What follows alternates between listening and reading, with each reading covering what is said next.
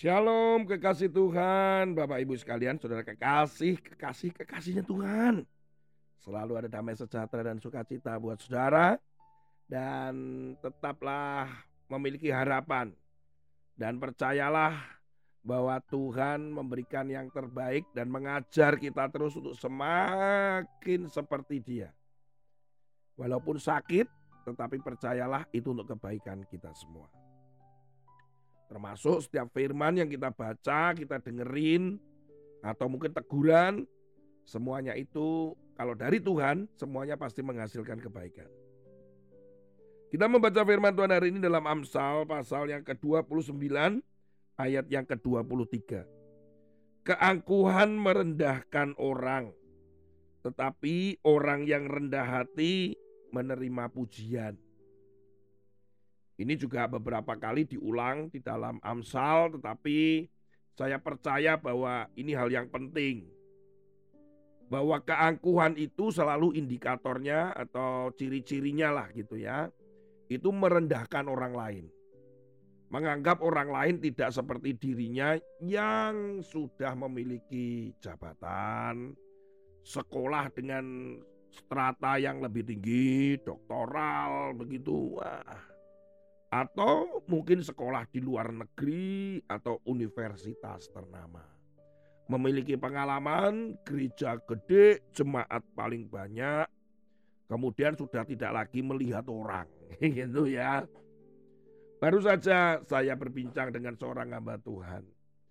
Dia juga bertemu dengan hamba Tuhan yang besar, bukan hanya besar namanya juga tapi juga besar tubuhnya. Ternyata di dalam Pelayanan bersama itu ketika disapa tidak menoleh.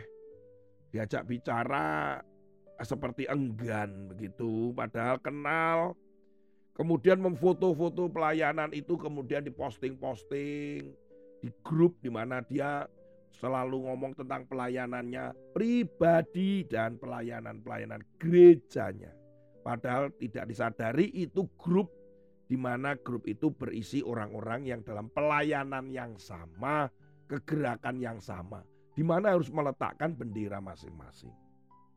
Saudara model-model begini sedang fenomenal ya di dalam dunia pelayanan itu waduh, tetapi semakin lama makin parah. Kalau saya pelayanan ke daerah pun selalu ditanya, sepertinya begini, kamu siapa?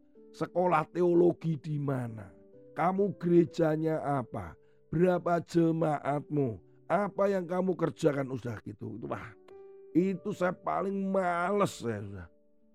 Kenapa? Karena yang mau ditunjukkan gua ini begini pendeta ini aku punya titel waduh dari MTH, doktor, profesor, pokoknya yang sor-sor, kompresor, kondensor, karburator, semua disebutin atau ditulis di kartu nama. Inilah yang kita nggak sadar nih keangkuhan. Karena keangkuhan itu selalu cirinya itu merendahkan orang. Ayo kita lihat di sekitar kita, para pelayan Tuhan, hamba Tuhan siapa pun. Di dunia pelayanan itu sering kali. Merasa yang paling hebat, merasa yang paling punya pengalaman, merasa yang paling punya pengaruh. Gitu kan. Gaya sekali. Jadi di situlah mulai muncul keangkuhan tanpa mungkin tanpa sadar lah ya. Tetapi hati-hati ya.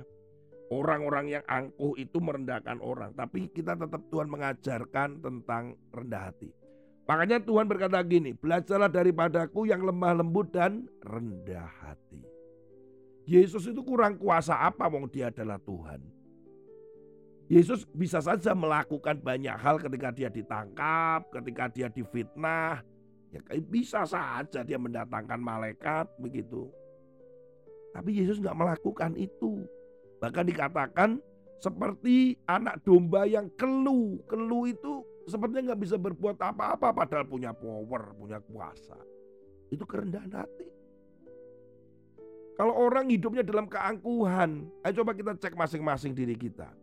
Ketika disapa, ketika di WhatsApp misalkan dengan teks, saya tetap berusaha untuk membalas gitu.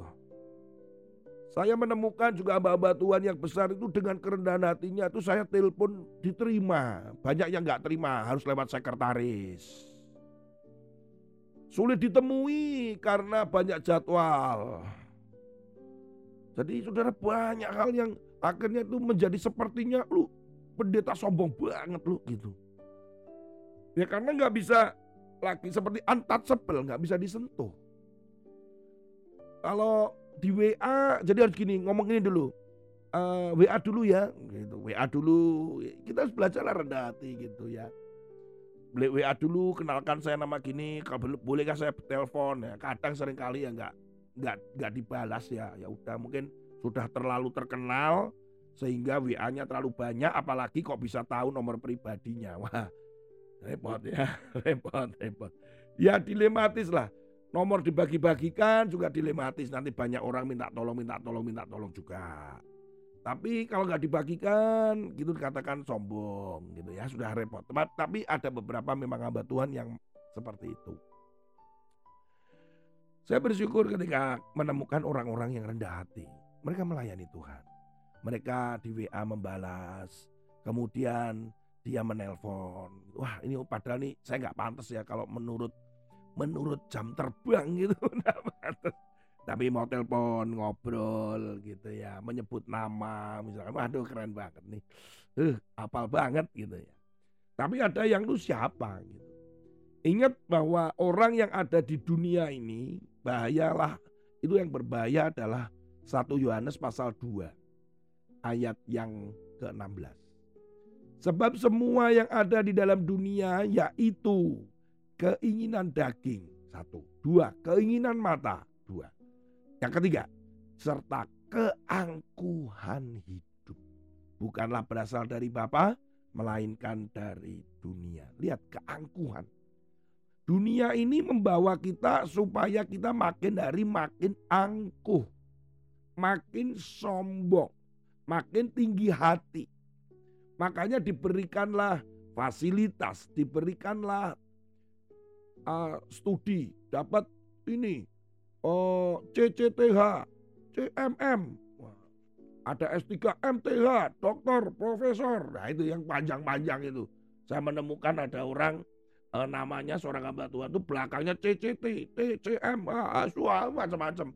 Itu seperti sertifikasi yang banyak belakangnya embel-embelnya. Terus kemudian jalannya jadi lihat ke atas. Lu siapa gue? Begini.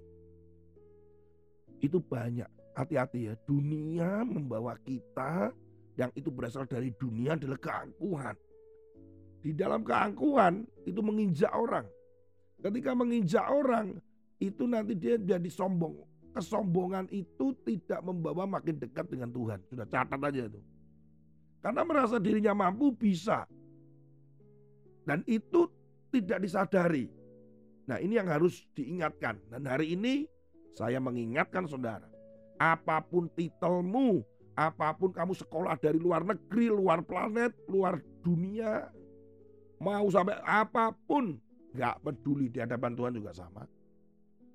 Kalian punya pengalaman, saudara punya pengalaman, punya harta, kekayaan dan sebagainya, dirikan gereja ngerintis sudah ratusan ribuan jemaat, seratus ribu, satu juta, nggak ngurus. Di hadapan Tuhan juga sama. Ataukah itu yang membuat kamu sombong, membuat saudara menjadi makin tinggi, makin hebat? Oh, oh, oh, oh. itu bahaya. Ayo introspeksi. Kalau mendengarkan firman ini atau renungan ini menjadi sakit hati, puji Tuhan. Berarti sudah disaling memperingatkan dan saling menegur. Mari kita tetap belajar rendah hati karena di dalam kerendahan hati kita mendapatkan pujian. Jangan mengharapkan pujian dari orang lain. Pujian dari Tuhan. Karena kita sudah melakukan seperti yang Yesus lakukan. Rendah hati. Tuhan Yesus memberkati. Shalom.